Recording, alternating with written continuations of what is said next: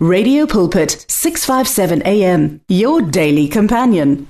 Kulohlelo lapho sithi khona mphatlalatsane ekseni kungolosihlanu mlaleli ngilithathe leli thuba ngikubingelele egameni elihle igama lenkosi Jesu Kristu waseNazareth. Siphinde sibengana kubahle enhlapho ukusibusa ngaleli thuba.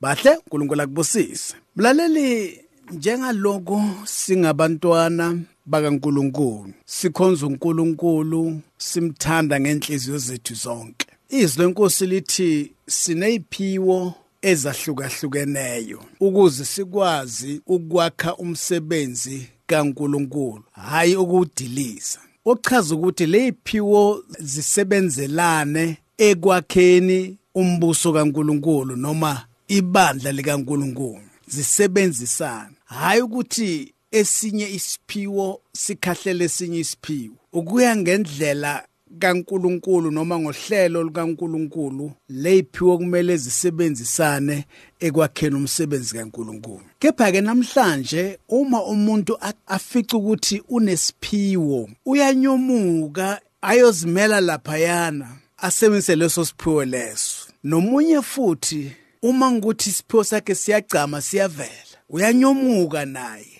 Ayozakhela indawo yakhe laphayana. Kodwa ngohlelo lukaNkuluNkulu leyiphiwo umlaleli kumele zisebenzisane ekwakheni ibandla noma ekwakheni umsebenzi noma ekwakheni umzimba kaKristu. Ake sibheke kwaba seKorinthe boqala chapter 12 ngokuba uNkulunkulu uma kunika isiphiwo kuba khona indlela ethize akufundisa ngayo ukuthi usiphathe kanjani lesiphiwo awusicontroli kodwa sona sisebenza umsebenzi waso. Kepha ensukwini esiphila kuzona uyabona ngempela ukuthi lo muntu ucontrola lesiphiwo sikaNkuluNkulu ufuna ukuthi senze lento yena ayifisayo. Bese uJames athi ke zivelaphi izimpi phakathi kwenu na? Aziveli enkanukweni yenyama. Ake sibone ke mlaleli sizwe ukuthi izwi laNkuluNkulu likhuluma lithini ngalezi ziphiwo mlaleli? Iziphiwo zikamoya ezahlukeneyo nokuphathwa kwazo mlaleli. Ngoba sekorinte baqala chapter 12 verse 1 kepha maqondana neziphiwo zokomoya angithandi bazalwane ukuba ningabi nakwazi. Niyazi ukuthi nisengabezizwe naholekela kuzo izithombe eziyizimungulu. Nakuba naholwa kanjalo. Ngakho ngiyanazisa ukuthi akukho muntu okhuluma ngomoya kaNkuluNkulu ongathi kathukwe uJesu. Futhi akukho muntu ongathi uJesu uyinkosi kuphela ngaye umoya ongcwele. Verse 4 kepha kukhona iziphiwo zomusa ezahlukeneyo kepha nguye lowo moya. Verse 5 kukhona izinkonzo ezahlukeneyo kepha yiyo leyo nkosi. Verse 6 kukhona imisebenzi yamandla eyahlukeneyo kepha nguye lo lowo nkulunkulu osebenza konke kubo bonke. Verse 7 kepha yilowo nalowo uphiwe okubonakalisa umoya kube ngokusiza ngokuba omunye uphiwe ngomoya izwi lokuhlakanipha. Kepha omunye izwi lokwazi ngaye lowo moya. Omunye ukukholwa kuye lowo moya.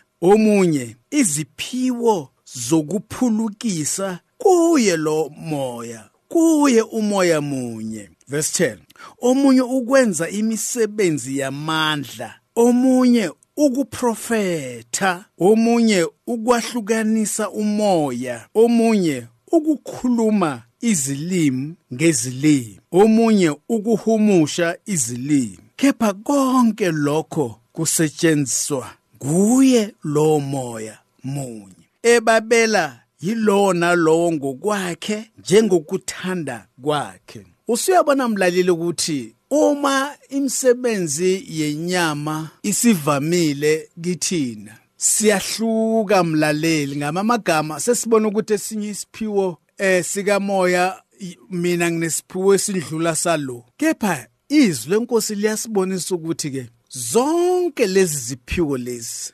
esiyigcatsha ngazo thina esibukelana phansi thina esigcikana ngazo thina. Iphiwo eziqhamuka kumoya kaNkuluNkulu. Kube uyena uNkulunkulu nomoya wakhe osabela lezi ziphiwo. Kusobala ukuthi kubalulekile mlaleli ukuthi silizwisise izwi likaNkuluNkulu. Ngivamsile ukusho ukuthi ukupractice inkolo akukwenzi ube umKristu. Ukupractice inkolo akukwenzi ukuba ujabulise uNkulunkulu. Kepha ukwenza ngendlela izwi likaNkulunkulu lithi masenze yikona kanye ukujabulisa uNkulunkulu. That's why uJesu asho la mazwi athi akumelanga sizwe kwaphela kepha kumele sizwe maqede siligcine bese siyenza. Mlaleli ngakho ke akumelanga ubukela abanye phansi ngokuba iBhayibheli lithi singumzimba kaKristu. Ngakho ke umzimba unezitho zonke mlaleli.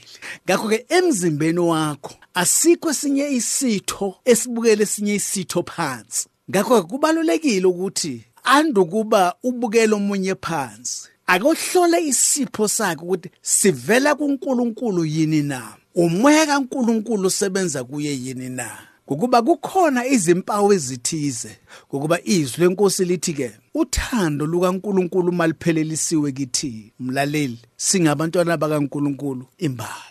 Ngakho ke la izwi lenkosi lithi ke ngokuba njengomzimba munye umunye kepha unezitho eziningi nezitho zonke zomzimba nokuba ziziningi zingumzimba munye unjalo ke noKristu. Akwangathi mlaleli singajula ke sikhulume ngazo lezipho mlaleli ngiyacabanga ukuthi ivike elizayo. Sizongena kuzo lezi zipho. Lezo uNkulunkulu asabele zona ngamunye ngamunye. Ngenxa isikhathi ake ngithathelele ithuba ke mlaleli ngiliphindisele kubahle. Bahle intambo kwezakho baba ilapha ekhaya. The words of the Lord are words of life. Your heart is on 657 AM 657 AM radio for believers in action